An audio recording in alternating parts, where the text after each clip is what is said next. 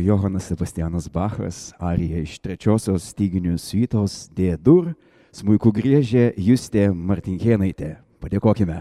Bičiuliai, gera mums čia būti. Kiekvienas esantis Vilniaus išganytojo Jonitų bažnyčioje turi progas švesti. Tai dėl kurių čia susirinkome.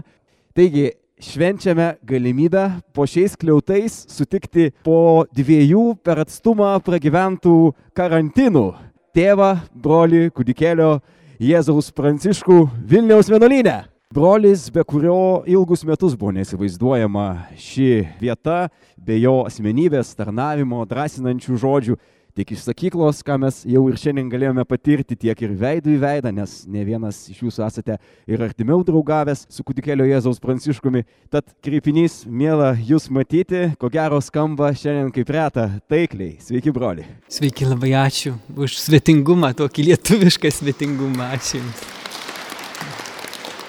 Ir paskutinė man žinoma proga, kurios kai kurie iš čia esančių laukia apie 10 metų, tiek laiko bent kelių bendruomenės narių širdise glūdėjęs troškimas šiandien daugybės žmonių dėka įgavo pavydalą ir pažvelkite iš tai šį stalą, raminta, parodykite, kasgi čia boluoja. Taip, pjūtis boluoja. Dvi knygos - homilijų ir rekolekcijų apmąstymų. Tikrai retas atvejis, kad būtų vienu įpū pristatomos net dvi. Žinoma, tai yra ne pirmi leidiniai, ant kurių viršelio švyti kūdikėlio Jėzaus Pranciškaus vardas. Dar prieš 11 metų, būtent 2011 balandį, buvo pristatoma pirmoji brolio knyga Dievo galybė ir išmintis. Kaip e, parašyta jos anotacijoje ir ką mums dar labiau gera minėti dabar, brolis kūdikėlio Jėzaus Pranciškus pirmasis Šventojo Jono bendruomenės kunigas lietuvis, apskritai prie brolių prisijungęs dar iki bendruomeniai pradedant veiklą Lietuvoje. Ir būtent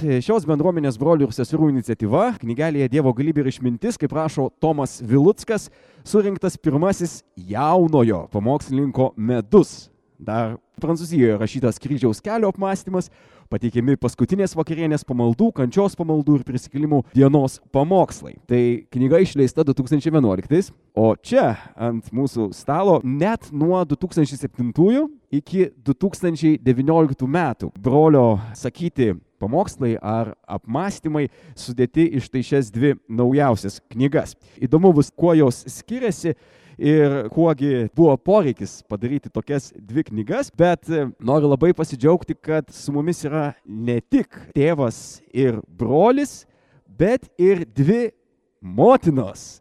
Ne tik savo nuostabių vaikų, bet ir šios knygos mamos Indrė Užrotinė ir Raminta Bunkienė.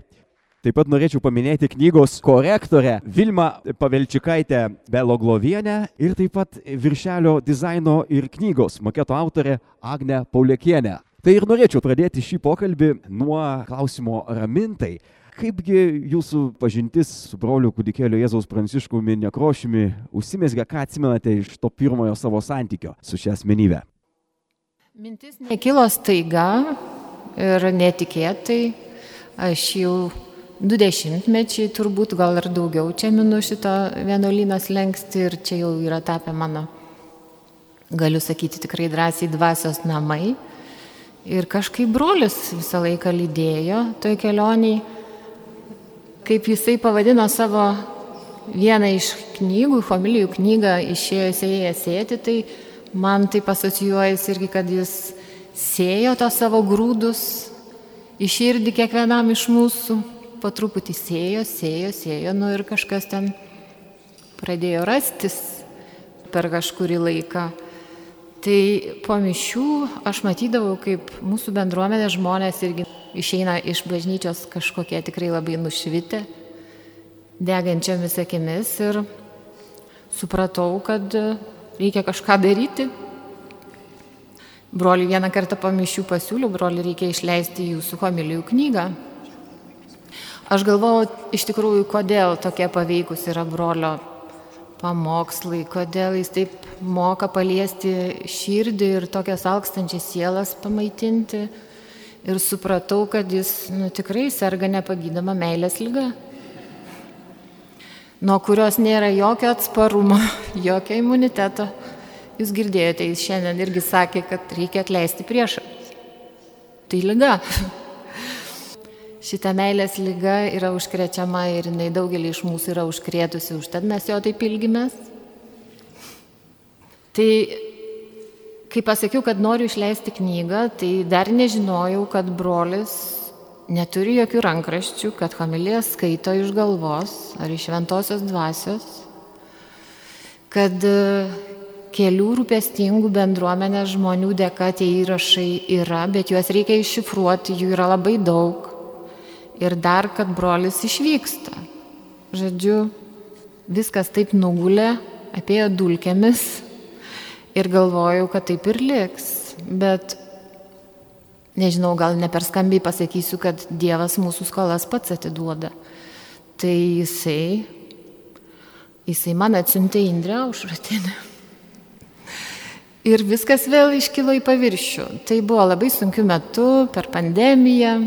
Indrė pati papasakos, kaip jai kilo ta mintis, žodžiu, jinai visą tą vežimą pajudino ir išvežė.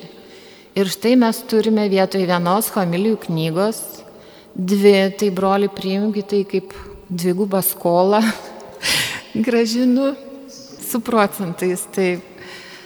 Tai, na gal trumpai tiek, aš norėčiau tikrai labai padėkoti žmonėms, kurie tos įrašus išsaugojo, nes žinojo, kad jų prireiks. Tų įrašų dar yra likę ir aš manau, kad jų užtektų dar kelioms brolio knygoms. Tai vilties teikia, kad brolio visi pasakyti žodžiai nebus pamiršti ir jie bus išguldyti popieriuje ir mes turėsime tą archyvą, kurį galėsime naudoti. Dar galiu pasakyti, kad mes ruošiame tas knygas pusantrų metų. Iš tikrųjų, tai buvo sudėtingas darbas, nes neturėjau patyrimo ruošti religinio turinio knygų, tai yra labai atsakingas darbas cituoti šventai raštą, yra taisyklės, yra reglamentai. Tai jeigu ne brolio pagalba, kur jis labai uoliai darbavosi, žinokit, dar labiau už mus, nors atstumas mus skyrė, bet jis nuveikė irgi labai didelį darbą, kad tie tekstai būtų tinkami spausdinti. Jie yra gyvos kalbos atkartojimas, mes jų labai neliteratūriname, jie pertikė visą brolio šnekamąją kalbą, užtat tas kalbėjimas yra gyvas ir jis jums primins broliui, kas jį yra girdėjęs. Dar noriu vieną tokį momentą pasakyti, kad iki pat pabaigos, vos ne tada, kai jau reikėjo spausdinti knygas, mes nežinojome, ar jas galėsime išspausdinti, nes trūko pinigų. Kvietėme žmonės aukoti, bet matėme, kad tikrai neužteks knygoms išleisti. Bet kažkokią X dieną staiga viskas atsivėrė ir tie pinigai pabirėjo kaip iš gausybės rago, kažkoks stebuklas įvyko. Tai, tai jų dar liko, žinokit. Tikrai šlovė viešpačiui už tai, ką dalyjatės, Raminta. Čia kaip įsidavėm šiek tiek, esate ne tik šios knygos viena iš sudarytojų, bet taip pat ir leidėja, nes kadaise įkūrėte leidyklą Lumina Vera, kuri, kaip matome, irgi subrendus laikui pasitarnauja ir Ačiū, kad ėmėtės šito užmanimo. Dauguma knygos tekstų yra ne iš popierinio formato paimti, tačiau būtent iš audio dalis kasečių, kompaktinių plokštelių ar tokių laikmenų, kurios dėja net laikė laiko egzamino ir apie tai, kaipgi sekėsi vis dėlto iškasti, atgaivinti tuos įrašus, kurių šifruoti tekstai panaudoti šiuose knygose, mums ir papasakos šios iniciatyvos atgaivintoja Indrė Aušrotenė, katechetė. Aš iš vis neplanavau jokių knygų leisti, nes esu katechetė, kaip sakė, ir neturiu jokios patirties knygų leidyboje. Bet kai prasidėjo pandemija ir kai jinai užsitėsi, tai pagalvojau, kad reikia žmonėm kažkokios šviesos, kažkokios vilties. Ir kur mums ieškoto šviesos vilties? Aišku, pirmiausia pas Dievą, bet kartais mums padeda tarpininkai. O kas yra geri tie tarpininkai? Tai atsiskyrėliai. Ir tada paprašiau, kad brolis Pranciškus ką nors parašytų žmonėm, ką nors šviesaus. Bet gavau atsakymą, kad kol kas nei Jėzus, nei dvasios vadovas, nei vyresnysis nieks neprašo jo nieko rašyti. Bet jis parašė taip pat, kad jau prieš dešimt metų buvo ta mintis, ramintai išleis knygą ir kad... Ačiū už patikslinimą. Ir kad Irena Čekmonienė jau buvo pradėjus transkribuoti iš įrašų. Tiesą sakau, leiskit ir man padėti. Ir tada suvedė mane su raminta ir prasidėjo tas darbas. Ir um, man atėjo mintis to darbo pradžioj pas pusbrolį paklausti, gal jis yra sukūręs tokią programą, kuri transkribuotų. Ir jisai sako, taip, aš sukūriau.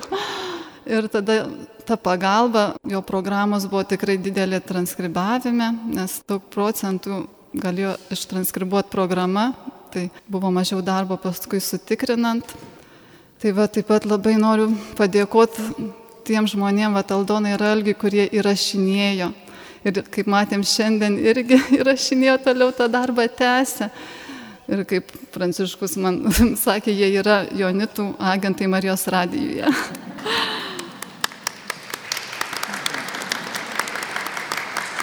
tai dėka šių žmonių mes turėjom įrašus, kurių pagalba galėjom išleisti šitas knygas teigiate, kad programa pasitarnavo, kad taip gražiai susidėliotos aplinkybės, bet galbūt žmonės, kurie atokiau yra nuo leidybinio proceso redagavimo, galbūt jiems gali pasirodyti, kad tai tiesiog yra toks studentiškas darbas nurašyti tekstą arba pataisyti kalbos klaidas, ko sakėm, kad beveik nebuvo keista ir tekste tai pasimatys ne klaidos, žinoma, bet tas gyvas kalbėjimas. Tai aš kažkaip norėčiau vis dėlto pabrėžti tą redaktorinės pareigos tą įnašą, kurio pasidalijo Indrė, prieš tai savie aišku atradusi, kaip girdėjome, niekada dar e, nepuoselė tą talentą, nes kas skaitys šią knygą, tikiu, kad kiekvienas čia esantis, pamatys, kiek daug kiekviena brolio eilutė mums atveria šventojo rašto kontekstų. Ir visas tas nuorodas, visas tas citatas, kurios praktiškai aktyvuoja viena kitą. Skaitai, skaitai Senojo testamento ištarmė, paaiškinta Naujojo testamentu, po to atsiranda iš kažkur apreiškimo knygos dalis ir taip viena eilutė aiškina kitą ir brolis taip mus vedžioja, naviguoja, tarytum nelyginant Petro laivą. Ir ką?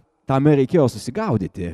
Už tai tikrai Indrė smagu, kad jūs sugebėjote taip išvesti visas tas bibliografinės nuorodas, tiksliai pažymėti, kad tiem, kam pasirodytų per mažai tos medžiagos, kurią brolis mums dovanoja, kad galėtų tęsti toliau savo tyrinėjimus.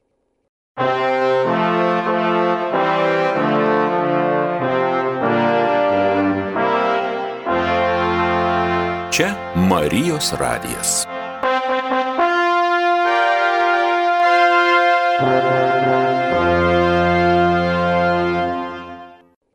Tai jau nemažai pasidalinom apie knygą, tai būtų smagu išgirsti vis dėlto pravert viršelį ir sužinoti, kasgi už jo slypi, o tuo pasidalyti sutiko Meilė Kudarauskaitė.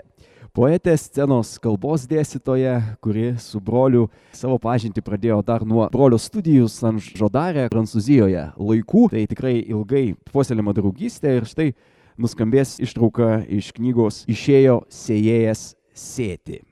Pasiklausykime. Mūsų valdovas, mūsų viešpačių viešpats ir karalių karalius sėdi nepaprastame soste. Jis karaliauja nuo kryžiaus. Jis viešpatauja nuo kryžiaus. Tai paskutinė, niekingiausia baisiausia vieta šio pasaulio karalystėje. Bet ji yra pirmoji dangaus karalystėje. Toje karalystėje, kuri prasideda širdyje, sieloje ir per ją skleidžiasi į pasaulį savo šviesa, vydama laukščio pasaulio kunigaikščio tamsaus valdžią ir viešpatavimą. Vis dėlto tamsybės priešinasi šviesai. Štai kodėl Jėzui atsisėdus į savo sostą, prikalusi prie kryžiaus, žmonės tik stovi ir žiūri, kaip visais laikais o valdantieji seniūnai, turintys galę kareiviai, tyčiojasi, įžeidinėja, niekina, reikalauja jo vašpatavimo ir karalystės įrodymo, tarsi jo karalystė būtų tokia, kaip šio pasaulio karalystės. o ir mes galbūt nesame kareivių ir seniūnų tarpe, tačiau maišomės bent jau minioje, kuris stovi ir žiūri, kaip pasaulio dvasia niekina ir tyčiasi iš mūsų viešpaties per galingas žiniasklaidos priemonės, per įstatymus, naujus papročius. Atrodo, kad tamsybės vėl grįžta, o mes tik stovime ir žiūrime. Ir kai atsitinka papulti į padėtį be išeities, žmogiškai kalbant beviltišką, kai šaukėmės mūsų viešpaties ir karaliaus, mums atrodo, kad atsiliepia tik tuštuma ir tamsa. Tuomet ir mes atsirandame vienoje gretoje su šio pasaulio galingaisiais, kaip būdami paties silpniausiojo padėtyje, taip pat priekaištaujame viešpačiui, argi tu nemesijas, išgelbėk save ir mus žiūrėk, ką su tavimi daro, ką daro su tavo atneštų tikėjimu, su tavo atneštų žmogiškumu, tyrumu ir orumu. Žiūrėk, ką daro su manimi. Ir tu leidi, argi tu nemesijas. Tačiau Jėzaus karalystė yra ne iš šio pasaulio. Jo karalystė yra šviesos, meilės ir gailestingumo karalystė. Tokio šventumo, tokios meilės ir tokio gailestingumo, kur valdovas plauna vergams kojas, kur aukščiausiasis teisėjas sėdasi į teisiamųjų suolą, kad būtų nuteistas tikrųjų nusikaltėlių, kur visa galybė tampa pačiu didžiausiu silpnumu, kad atvertų mums akis ir parodytų, jog neįmanoma blogio nugalėti blogiu. Neįmanoma pasiekti taikos ir teisingumo šiame pasaulyje, jeigu reikalauksime akies už akį ir danties už dantį, nes tada visi liksime akli ir bedančiai.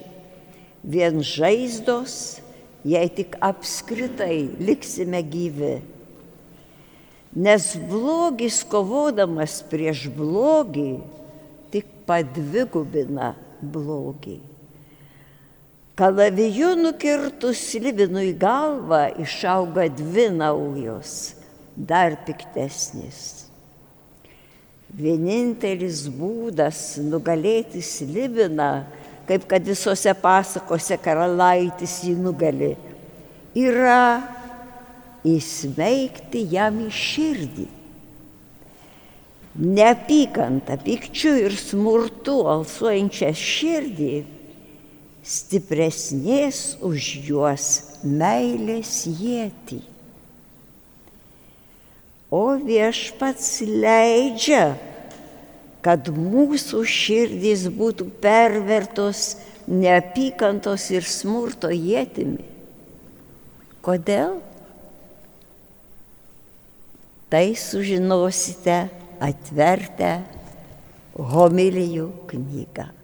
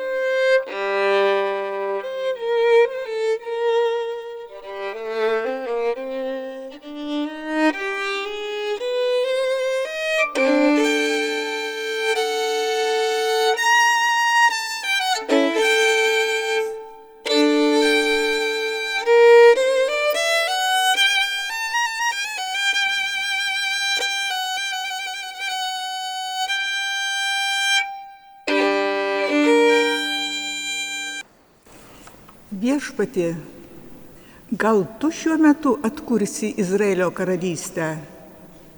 Klausė paštalai viešpatį, kai jis pasakė, kad po kelių dienų jie bus pakrikštyti šventąją dvasę.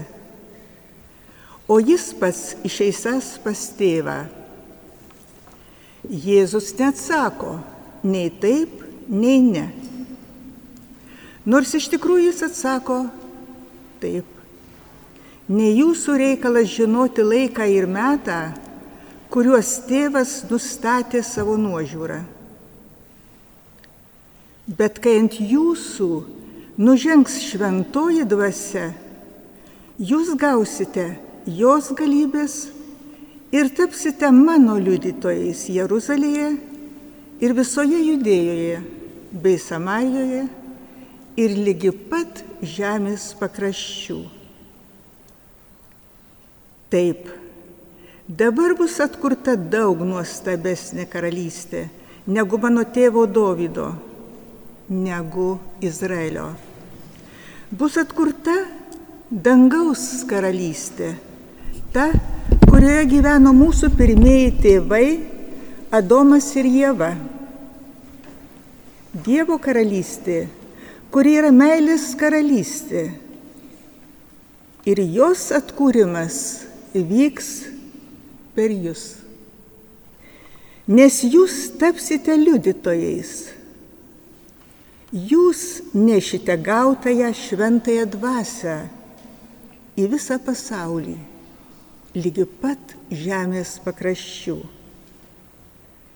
Kad toji karalystė atkariautų visas prieš okupuotas teritorijas, atimtų jas iš piktosios dvasios, iš neapykantos, iš nuodėmės nelaisvės ir sugražintų į Dievo vaikų laisvę. Tačiau šis atkariavimas, šioji pergalė pasiekiami anaip tol neginklais ir ne jėgos demonstravimu ar kitais panašiais šio pasaulio būdais ir metodais. Šis atkariavimas vyksta pažinimu, apie kurį šventasis Paulius rašo efeziečiams, taip pat ir mums. Meldžiu kad mūsų viešpatės Jėzaus Kristaus Dievas, garbingiausias tėvas, suteiktų jums išminties ir apreiškimo dvasę. Dvasę, kurią paštalai ir mergelė Marija gavo per sekmines ir kuriuos mes vėl, kaip ir kasmet, laukiame ir ilgimės kartu su Marija Dievo ir bažnyčios motina. Ir jūs galėtumėt jį pilnai pažinti. Tai šventoji dvasia padaro, kad mes galėtume jį pilnai pažinti. Kad pažintume Dievo meilę, pranokstančią bet kokį pažinimą. Tariant to paties apaštalo Pauliaus žodžiais, kad jie apšviestų jūsų dvasios akis ir jūs pažintumėte, kokia yra viltis, į kurią jūs esate pašaukti, koks jo garbingo paveldėjimo turtas šventųjų tarpe ir kokia nepalyginama jo galybės didybė mums, tikintiesiems, suteikta veikiant jo neribotai jėgai. Kas yra ta pažinimo didybė? Toji šlovė, toji neribota jėga. Dėkojame Irenai Elžbietai Čekmonieniai, kalbininkiai, filologijos mokslo daktariai. Prieš tai klausėmės dar sykis mūkininkės Justės Martinkienaitės atliekamo jau kito Johano Sebastiano Bacho kūrinio, kurio galėjome gerėtis, tai Adadžio iš sonatos mūkui solo G mol. Justiną mes dar šiandien taip pat girdėsime mum griežiant. O kad jau prakalbam apie muziką, verta paminėti, kad brolis kūdikėlio Jėzaus Pranciškus Nekrošius, taip pat viena šviežiausių naujienų apie jį, kad praėjusį adventą įsiamžino ir kartu su 12 kitų kunigų iš viso pasaulio Harper Day šlovinimo muzikos grupės klipe, kur sugėdojo Iš kur sugėdojot tą ištrauką? Iš apreiškimo knygos ten buvo. Taip, ir tikrai galėjom įstikinti ir brolio ne tik tai kalbamojų, bet ir dainininko balsu. Ir taip pat verta paminėti, kad 2009-aisiais Lietuvoje su savanoriais ir paaugliais kūdikėlio Jėzaus Pranciškus keturias dienas kūrė filmą pagal žydų valdovą. Tai viena iš tos istorijos, sakiau, kaip testinumų padarinių yra ir knyga 2019 metais pasirodžiusi apie žydų valdovų teologiją. Ir tai buvo paskutinis kartas, kada mes galėjome regėti brolį akis į akį čia po Jonitų skliautais.